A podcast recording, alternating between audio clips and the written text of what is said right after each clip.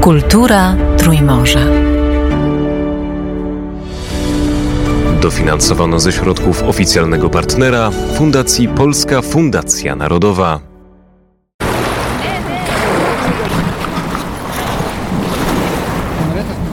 People say is nothing nothing on the world have i don't know how say in english. Because people say is dubrovnik is the special and special is the most beautiful city in the world.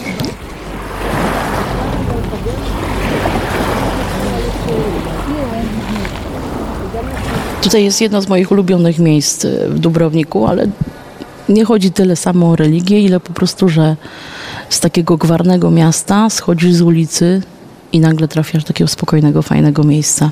W katedrze dubrownickiej jest dużo ludzi, bardzo. Dużo turystów się e, cały czas przetacza i jest dosyć e, w sumie głośno i gwarno. Natomiast tutaj właśnie do cerkwi prawosławnej, serbskiej cerkwi prawosławnej prawie nikt nie wchodzi. Więc sobie przechodzimy z gośćmi, ja ich usadzam, oni sobie zadowoleni odpoczywają, a ja im tutaj właśnie opowiadam trochę historii Dubrownika, to, co żeby niepotrzebnie, żeby nie stali, to, co mogę im opowiedzieć tutaj, no i oczywiście o, o tym, że miasto było miastem e, wielokulturowym, multinacjonalnym, otwartym, e, tolerancyjnym. Uważali, że każdy w tym mieście tak naprawdę może mieszkać. Musiał tego spełnić takie dwa jakby podstawowe warunki, które Dubrowczanie wymagali. Po pierwsze lojalność wobec miasta była najważniejsza. Nie, nie twoja religia, nie skąd pochodzisz, nie twoja rodzina, lecz miasto. Jak miasto jest bezpieczne, to wszyscy są bezpieczni. Druga sprawa, którą podstawowa tutaj w mieście Dubrowniku zawsze od dawnych czasów, od samego początku tak naprawdę istnienia tego miasta, to jest biznes. Pracuj. Chcesz tutaj mieszkać? Pracuj. Ty pracujesz? My zarabiamy. Także pomagano ludziom pracować, umożliwiano ludziom pracę. Pozwól ludziom pracować, ludzie chcą pracować, tak jest prawda. I Dubrowczanie to widzieli. Pozwalali ludziom pracować, wspierali te prace, wspierali biznesy. Jak się zbankrutowało, to wspierali cię taką specjalną kasą zapomogową, która istniała tutaj, więc można było robić sobie biznesy na całego. Płacono podatki, elegancko budowano mury, urządzano misje dyplomatyczne, także umożliwiano ludziom dalszą pracę w miejscach, których nigdy nie dotarł dzięki misjom dyplomatycznym. Więc miasto było tolerancyjne. Tutaj mieszkali Żydzi, muzułmanie, prawosławni, katolicy. Wszyscy się zmieścili na niespełna 14 hektarach Starego Dubrownika. Cerkiew, serbska cerkiew prawosławna czynna jest do dzisiaj. Także na terenie miasta wciąż mieszkają Serbowie czarnogórcy. Także to jest czynna cerkiew prawosławna. A ile procent tych Serbów tutaj mieszka? 3,5% mniej więcej. A to mogę spytać, jakie są w takim razie tutaj stosunki między Serbami a Chorwatami tutaj mieszkającymi? tutaj mieszkającymi, to są Dubrowczanie po prostu wyznania prawosławnego, tak? Takie jest podejście. Tak naprawdę ludzie nie mają takiego strasznego podziału na te narodowości, aż tak bardzo. Nie odczuwa się tego tutaj w Dubrowniku. Tutaj albo jesteś nasz, albo nie jesteś nasz. To wszystko. Czy pani się uważa tutaj już za mieszkańca Dubrownika? Mm, myślę, że tak. Myślę, że tak. Tu jest tak, tak, takie troszeczkę dziwna, dziwna sytuacja, że jak przyjeżdżasz do Dubrownika skądś, nie jesteś urodzonym Dubrowczaninem, to lokalna ludność nie darzy cię zaufaniem. To jest hermetyczna społeczność. Patrzą na ciebie, obserwują każdy twój ruch, komentują często na głos. I to jest taki, taki okres przejściowy, tak? To jest taki okres próby. Sprawdzają, kim ty jesteś, co tu robisz, jakie są twoje intencje, i jak przejdziesz ten okres próbny, który jest trudny, nie jest to, to prosta sprawa, to czujesz jak człowiek niechciany, prawda? Nie w swoim środowisku, w obcym mieście, otoczony przez obcych ludzi, którzy nie są ci zbyt przyjaźni na początku. Ale jak jakoś przekonasz tych ludzi do siebie, pokażesz, że, że masz czyste intencje, że nikomu krzywdy nie robisz, żyjesz swoim życiem, to zaczynasz łapać ich akceptację. Po prostu zaczynają jakby na twój widok się uśmiechać, machają, i to jest fajne. I potem mówią, o, nasza idzie. I to jest ten moment, kiedy czujesz się Dubrowczaninem. To jest portfel, tak? Ona je najoriginalnija, jer to je ta koja se nosi na vjenčanja, ta Tak, mustra. tak, I originalna się je, na śluby. originalna je tamno crvena, Tak. zelena i žut. I ja sam stavila Da. žute, više od žuta Da. uvijek dođe Da. okolo. Da. Ali ja se ne Oni ubacam da mi podigne malo. tak? Także tutaj nie I ma kolorów. etiketica i Mimi, Tylko właśnie używali ciemny I- bord, ciemna zieleń, I czernie. To są takie tradycyjne, a żółty zazwyczaj był tylko obramowanie. Ona tutaj użyła trochę więcej tego żółtego. Uvijek je ovaj žuti vidi oplet. I znaš zašto se Zašto radi se ovaj dookoła robiono? Zašto se radi ovaj oplet? Zašto? Jer vidi, Czemu oni robili to dookoła? bluza je żółte? bijela, bluza je bijela i ti kad ideš prat bluzu, skineš vez, opereš bluzu i njega vratiš nazad. Dobro. I taj oplet se lako podmota, vidi. Aha. Vidiš? Da. I sad je lako našit ovo tu. I lako ga skineš, samo ga malo pribodeš Oni na jak, bluzu. jak, sprzo- jak prała sobie białą bluzkę, to zdejmowała ten, ten od, tak, żeby się nie wyprał, tak, zdejmowała tą dekorację i ten żółty jest łatwo po prostu potem y, położyć z powrotem. Dzięki temu żółtemu wiesz jak to ma się układać i nie widać tego, że to podszyte jest po raz kolejny. Ako mi je iko zaslužio, ti si Perla. Jeli, chwala. Lijepa nam je cura. Jako su mi lijepi kupci Poljaci. Jako divni. mówię, że bardzo dobrymi kupcami i wspaniałymi. Jedna gośćmi je, są Polacy. jedna mi je otmjena dama vanjsku. To co to za pałac? Pałac Sponza z XVI wieku, tak się nazywa, Sponza lub Devona, czyli dawny Urząd Celny Republiki Dubrownickiej. To jest jeden z tych nielicznych budynków, który przetrwał wielkie trzęsienie ziemi z 1667 roku i pokazuje nam Dubrownik gotycko-renesansowy. Dzisiaj tutaj w środku znajduje się Galeria Sztuki na otwartym powietrzu, mamy też archiwum miejskie w środku, gdzie przechowuje się najstarsze dokumenty, wśród nich statut miasta. Teraz mamy 750. rocznicę statutu miasta Dubrownika E, i to jest bardzo bardzo popularne miejsce na śluby. Bardzo dużo zagranicznych gości, szczególnie z Wielkiej Brytanii, Szkotów. E, z Szkotów się najbardziej śmiejemy, bo oni przyjeżdżają w upalne letnie dni, myśląc w swoich kategoriach szkockich, że gwarancja pogody, żeby na ślub było ładnie. I potem chodzą w tych koszulach tak przepoconych na maksa, w tych szkockich kiltach grubych, biedni, strasznie się męczą w tych 40-stopniowych upałach tutaj. Organizują właśnie śluby, tutaj przepięknie zdobią to wnętrze, te łuki i tutaj te śluby są organizowane. Także bardzo Dubrownik jest popularnym miejscem na śluby. I w tym bardzo ważnym miejscu, e, w tym starym budynku mamy pokój pamięci poświęcony obrońcom Dubrownika z lat 90. To można zobaczyć zdjęcia młodych mieszkańców tego miasta, którzy zginęli w obronie Dubrownika przed armią jugosłowiańską e, w 1991-1992. Też można zobaczyć fotografie, jak to miasto było potwornie przez Serbów i Czarnogórców bombardowane i niszczone, choć jest na liście UNESCO już od 1979 roku. Na pytanie, dlaczego oni tak to miasto strasznie niszczyli, bo tu nie było wojska, tu nie było broni, tu nie było e, po co strzelać, to, to jest po prostu prosta odpowiedź. To jest to samo, co na wschodzie teraz. Nie udało się przejąć miasto, no to będą niszczyć miasto. No na szczęście, jak widać, nie udało im się. No a ci Serbowie, co tutaj w Dubrowniku przecież zamieszkiwali w tych latach y, 90., to co? Zamieszkiwali, ale część z nich otrzymała ostrzeżenie, że miasto będzie bombardowane. Więc z tego miasta uciekli. Druga część, która nie uciekła, lecz obudziła swoich sąsiadów, ostrzegając ich przed niebezpieczeństwem, to oni mieszkają tutaj do dnia dzisiejszego. A ci, którzy uciekli w nocy, zostawiając swoich przyjaciół sąsiadów na pewną śmierć, no to dzisiaj już ich tak naprawdę tu nie ma. Nie mieszkają tutaj, nie wrócili.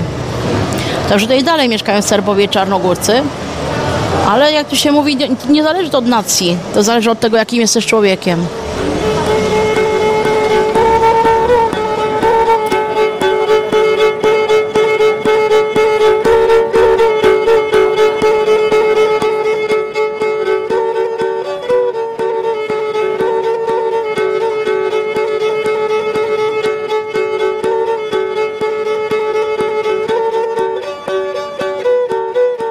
Jednej z najstarszych aptek w Europie. Nie mówimy najstarsza, bo nie mamy na to takich dowodów, ale mówimy o jednej z najstarszych wciąż działających w tym samym miejscu aptek w Europie. Ona w ciągu wieków kręciła się tutaj dookoła tego klasztoru Francisz Franciszkanów, ale zawsze była pod ich opieką i zawsze w murach klasztornych. Zmieniała tylko miejsce.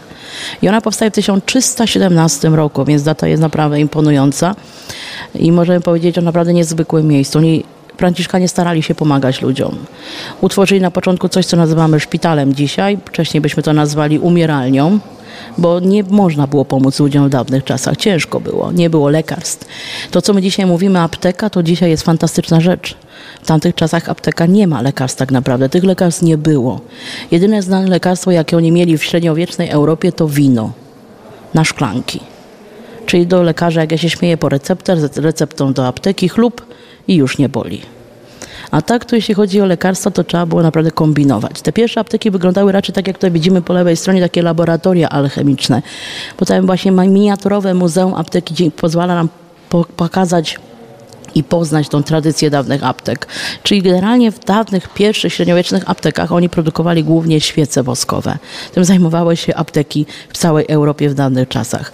A tutaj w tej aptece u braci Franciszkanów w Dubrowniku te świece woskowe produkowano do końca XX wieku, więc tradycja naprawdę potężna.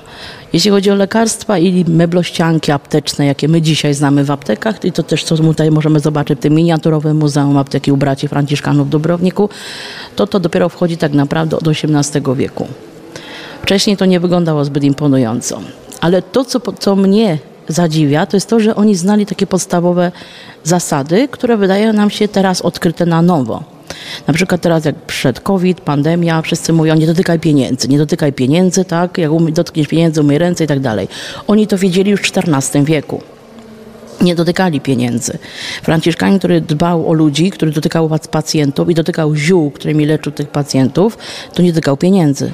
Od pieniędzy był inny brat Franciszkanin. I tutaj też możemy zobaczyć taką właśnie ladę apteczną i tej ladzie aptecznej możemy zobaczyć dziurkę na wierzchniej warstwie, którą taką łopatką specjalną zrzucali po prostu pieniądze do skrzynki która znajdowała się pod spodem. Klient przychodził, kładł pieniądze na ladzie, ale Franciszkanin tego nie dotykał. A od kiedy tu w Dubrowniku są Franciszkanie? Od początku XIV wieku. Pierwsze mieszkali poza murami miasta, ale zbliżały się wojska nieprzyjacielskie i zaproponowano im miejsce wewnątrz murów miasta, żeby byli bezpieczni. Więc zaproponowano im całkiem sporo miejsca. Powstał przepiękny klasztor z krużgankami, z ogródkiem, w środku ze studnią i w takim raju na ziemi od XIV wieku do dzisiaj mieszkają sobie bracia Franciszkanie. Tylko, że jak tylko się pojawili, od razu zabrali się do pracy. Od razu powstała apteka, od razu próbują pomagać ludziom. Na początku troszeczkę eksperymentują na pacjentach, co jest chyba jasne. E, Korzystają z ziół. Ziół na Bałkanach jest mnóstwo. Jak się bardzo wcześnie rano wstaje, są takie miejsca, że czuć zapał ziół. Także ziół- ziół jest mnóstwo, tylko wiedzy o tych ziołach nigdy nie było. Dlatego trzeba było eksperymentować na pacjentach. Co prawda liczba nagrobków na cmentarzu rosła, ale wiedza też rosła. I zapisywali to wszystko w takich wielkich księgach ziołolecznictwa, które dzisiaj w tej miniaturowym Muzeum Apteki możemy sobie oglądać. I apteka do tej pory funkcjonuje tutaj w zakonie Franciszkanów? Apteka abso- absolutnie jest czynna do dnia dzisiejszego, także zatrzymali tą tradycję, że to jest jedna z najdłużej działających w Europie aptek w jednym i w tym samym miejscu. Z drugiej strony na wejściu do klasztoru mamy czynną aptekę. Taką już normalną, już się chłopaki nie wygłupiają, sprzedają normalne lekarstwa. Co można kupić? Można kupić wszystko, co, co sobie dzisiaj mamy w aptekach jako lekarstwa, wszystko, ale oprócz tego oni produkują też takie kremy nawilżające do ciała, które produkują według swojej starej receptury. To są kremy z róży, kremy z migdału, kremy z pomarańczy, także bardzo pięknie pachną i fajnie nawilżają ciałko. I tutaj mamy też takie właśnie te kremiki, że sobie tutaj można popróbować właśnie różnego rodzaju. A wie pani, ile jest y, teraz braci tutaj w zakonie u Franciszkanów? Z tego co ja wiem, to jest chyba sześciu. Ostatnio nam właśnie jeden się przeprowadził, jeden dot, dotarł, jeden umarł i w efekcie straciłam trochę rachubę. Tym bardziej, że my ich nie widujemy tak naprawdę. Jednego tego dziadka, którego minęliśmy po drodze, to e, tego codziennie widzę, jak spaceruje. Nie wiem, ile on ma lat, ale tak chyba z dziewięćdziesiątkę to ma. Ale codziennie spaceruje, nawet na większe upały, codziennie. Po prostu kilka razy dziennie robi turę po głównej ulicy miasta Stradun macha do wszystkich, idzie na lody naprzeciwko. Fajny, strasznie jest sympatyczny. Zawsze pyta, grupa skąd? Ja mówię, z Polski. On mówi, papa, mówi papież Jan Wojtyła, nie? Że ludzie zawsze się cieszą. Sympatyczny człowiek. Sezon w pełni. No to jak to się stało, że się pani tutaj w Dubrowniku znalazła? A kto by to wiedział? Naprawdę nie wiem. tak wyszło po prostu. Bo urodziła się pani w Ryjece. Urodziłam się w Rijece, wychowałam w Krakowie, a mieszkam w Dubrowniku. No i co pani może powiedzieć o tym Dubrowniku? Jak tu się mieszka? E, jak w małym mieście. Wszyscy się znają, wszystkimi się gada. To jest tak zwany taki small talk tutaj. Zawsze jak kogoś spotka znajomego, to powinno się przystanąć i powiedzieć parę słów. No i spokojnie, jak wyjeżdżają turyści, to jest bardzo spokojnie. Prawie jak wymarłe miasto, nie ma nikogo na ulicach. Także można sobie usiąść, wypić kawkę. A e, turyści z Polski, ilu ich przyjeżdża? Dużo? Jakie to są narodowości najczęściej, które odwiedzają Dubrownik? Polacy w tym roku w ogóle przekroczyli milion, tak? E, gości w Chorwacji, także to jest ogromna liczba. Do tej pory nie było ich aż tylu, ale coraz bardziej się przesuwają na południe jakby. Ten, te, te nasze kraje tutaj są dosyć daleko, no jesteśmy, się na końcu świata. Zresztą bardzo dużo znajomych zawsze śmieje, jak do mnie dzwonią, mówi, jak tam u Ciebie na końcu świata? Więc my jesteśmy na końcu Chorwacji faktycznie. Natomiast y, generalnie ludzie coraz częściej docierają do nas, zaczyna się to robić coraz bardziej popularne. Polaków jest dużo. Polacy coraz chętniej odwiedzają tutaj te południe. Zrozumieli, że nie jest wcale tak drogo, jakby się można wydawać. Jest drogo, no ale nie jest aż tak drogo, jak oni przypuszczali. A najwięcej w Dubrowniku zdecydowanie jest Amerykanów. Amerykański rynek to jest taki bardzo mocnym rynkiem tutaj. Jest dużo samolotów, bezpośrednich lotów. Dubrownik, taki mały Dubrownik, nie? 42 tysiące mieszkańców, a ma bezpośrednie połączenia lotnicze ze Stanami Zjednoczonymi. Sporo jest Anglików, także generalnie anglojęzyczni goście, dużo jest Skandynawów i dużo jest Niemców. Tylko, że Niemcy są przed sezonem i po sezonie, czyli nie w lecie. Tylko teraz. To jest właśnie ten czas dla nich. To jest cza- czas dla, dla ludzi, którzy chcą zwiedzać. To jest czas dla ludzi, którzy chcą rozkoszować się architekturą, którzy chcą napić się spokojnie kawki, a nie pocić się w 40 stopniach. E, natomiast w lecie raczej przyjeżdżają inny typ gościa, który chce poodpoczywać nad morzem, poleży na plaży, pokąpać się w morzu, a e, jak już mu się znudzi, no to przejdzie się po mieście. Także teraz jest czas dla ludzi lubiących zwiedzać. A gra o tron to sprawiła, że to turystyka jakoś e, znacznie rozkwitła, czy nie miało to wpływu? Miało to wpływ. No, sprowadziło oczywiście specyficzny typ klienta, który ogląda telewizję. Tutaj właśnie mamy taką przepiękny widok na basztę Minczeta z XV wieku i to jest, y, jak my to pokazujemy, jedyne miejsce w całym Dubrowniku, które w serialu Gra o Tron nie zostało w żaden sposób komputerowo zmienione. A co tam za sceny się odgrywały? Tam była scena, jak Daenerys szuka swoich smoków. To jest dom nieumarłych. Także u podnóża te- tej baszty tak sobie właśnie spaceruje i tak ręką kładzie tak o ten kamień okrągły i nagle znika, tak? No i dostaje się jakby do środka tej, tego domu nieumarłych. E, I to właśnie było kręcone tutaj na górze, tej baszcie Mięczecie. A cała reszta Dubrownika kręcona na terenie całego miasta, wszędzie, tak można powiedzieć, w sezonie turystycznym, między ludźmi. Nie zamyka się miasto na żadną produkcję filmową, nie wolno im tego robić. Więc y, nagrywali to między nami, ale nie zwracaliśmy za bardzo na nich uwagi, nie przeszkadzali. To, to, to naprawdę było tak fajnie zorganizowane, że oni byli w wszystkich małych, bocznych uliczkach i nikomu nie przeszkadzali. E, więc nawet nie zauważyliśmy ich. A potem dopierośmy się dowiedzieli, jak zaczęli przyjeżdżać piesi, fani, prawda, serialu, zaczęli pytać o nas, o ten serial, a my tacy zdziwieni wszyscy tutaj, ale przepraszam, jaki serial? No i potem był, wszyscy rzuciliśmy się do komputerów szukać tego serialu. Od ilu lat tutaj pani w Dubrowniku już mieszka? Od 12. No i jacy są ci Chorwaci? Są podobni do Polaków, niepodobni? W czym się różnią? Jakby pani ich opisała? Eee, e, Znaczy na pewno nie są tacy zestresowani i spięci jak Polacy. Polacy to strasznie tacy, no właśnie, mm, trudno to opisać, a tacy wyglądają na takich mm, stłamszonych trochę. Może media polskie trochę przesadzają z tym takim straszeniem Polaków. Także potrzebują tak dwóch, trzech dni, żeby odetchnąć. Przyjeżdżają tutaj widzą, że uff, to jest inaczej, spokojnie, wolniej wszystko i nie ma takiego parcia na wszystko, więc to też oczywiście ma swoje minusy, nie? Bo umawiasz się z kimś, nie przychodzi. Zamawiasz sobie specjalistę od czegoś tam, nie przychodzi. Bo akurat tak wyszło. Także to są plusy i minusy wszystkiego. No żyje się przede wszystkim dużo, dużo spokojniej. To my na to na, zazwyczaj potrzebujemy jakieś dwie godziny, żeby historię Dubrownika opowiedzieć. To jest bardzo niezwykłe miejsce, bardzo niezwykłe miejsce, o niezwykłej historii. To jest praktycznie, ta historia jest tak nieprawdopodobna, że aż, że aż prawdziwa trudno uwierzyć, że to, jest, że to się w ogóle wszystko udało, to co im się udawało. Utworzenie niezależnej Republiki Dubrownickiej, powstanie w ogóle tego miasta z połączenia dwóch osad, romańskiej i słowiańskiej. Dlatego ta nazwa podwójna zawsze była Raguza i Dąbrowa, bo to Dąbrowa była słowiańska, a Raguza była romańska. Oni połączyli to w jedną całość, powstało miasto, które nosiło dwie nazwy. Potem y, wspólnymi siłami pracowali, żeby stworzyć z tego miasta takie właśnie centrum kupieckie, handlowe żeby to miasto pojawiło się na mapie europejskiej. To był problem. Miasto jest bardzo młode. IX wiek powstania to jest, to jest w basenie Morza Śródziemnego to nic nie znaczy. To są stare, antyczne, bizantyjskie miasta, więc powstanie takiego miasta wymagało dużo pracy, a to, żeby zaistniało, to wymagało jeszcze więcej pracy.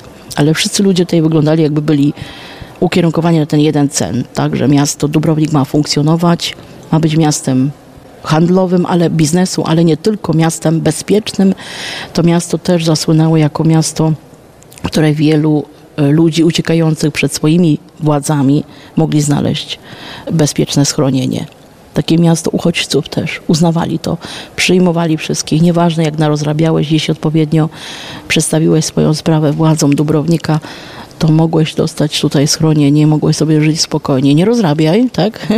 Ale ale możesz, jeśli chcesz żyć spokojnie, to możesz sobie tutaj żyć w Dubrowniku. Dubrownik naprawdę był niezwykły. Oni stworzyli własne państwo w XIV wieku. Republikę Dubrownicką, która została założona dzięki królowi Ludwikowi Węgierskiemu, który był królem też, też Polski, Czech, Słowacji, Węgier i Chorwacji, także pół Europy do niego należało, Dubrownik też. Ludwik Węgierski bardzo się przysłużył też Dubrownikowi, stwarzając to niezależne państwo, dając wiele fajnych przywilejów, dzięki którym Dubrownik coraz lepiej sobie radził. XVI wiek to złoty okres Dubrownika.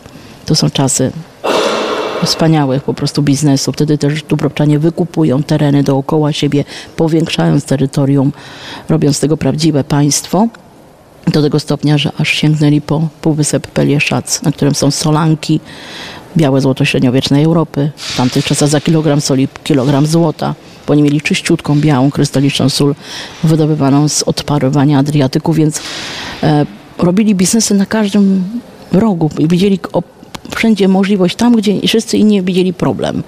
Oni widzieli możliwości. E, zmieniali sobie władców, ale ci władcy zawsze jakby chronili ten Dubrownik.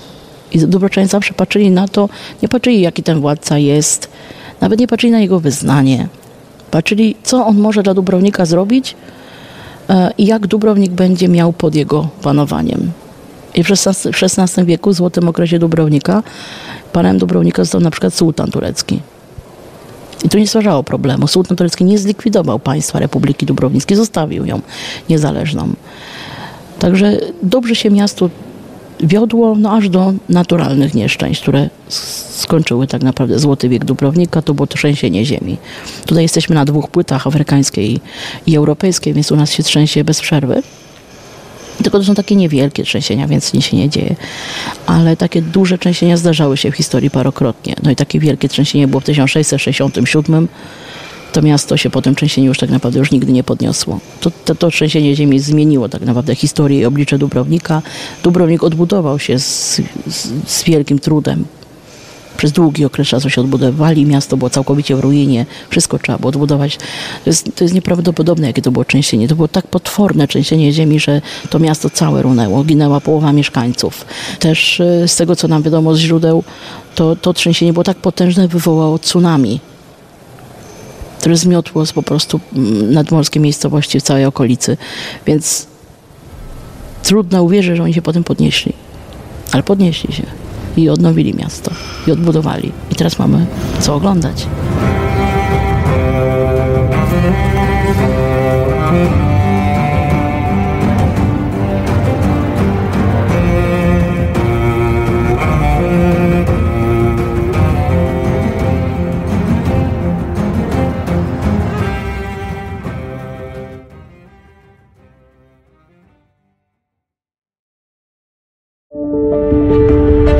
Kultura Trójmorza. dofinansowano ze środków oficjalnego partnera Fundacji Polska Fundacja Narodowa.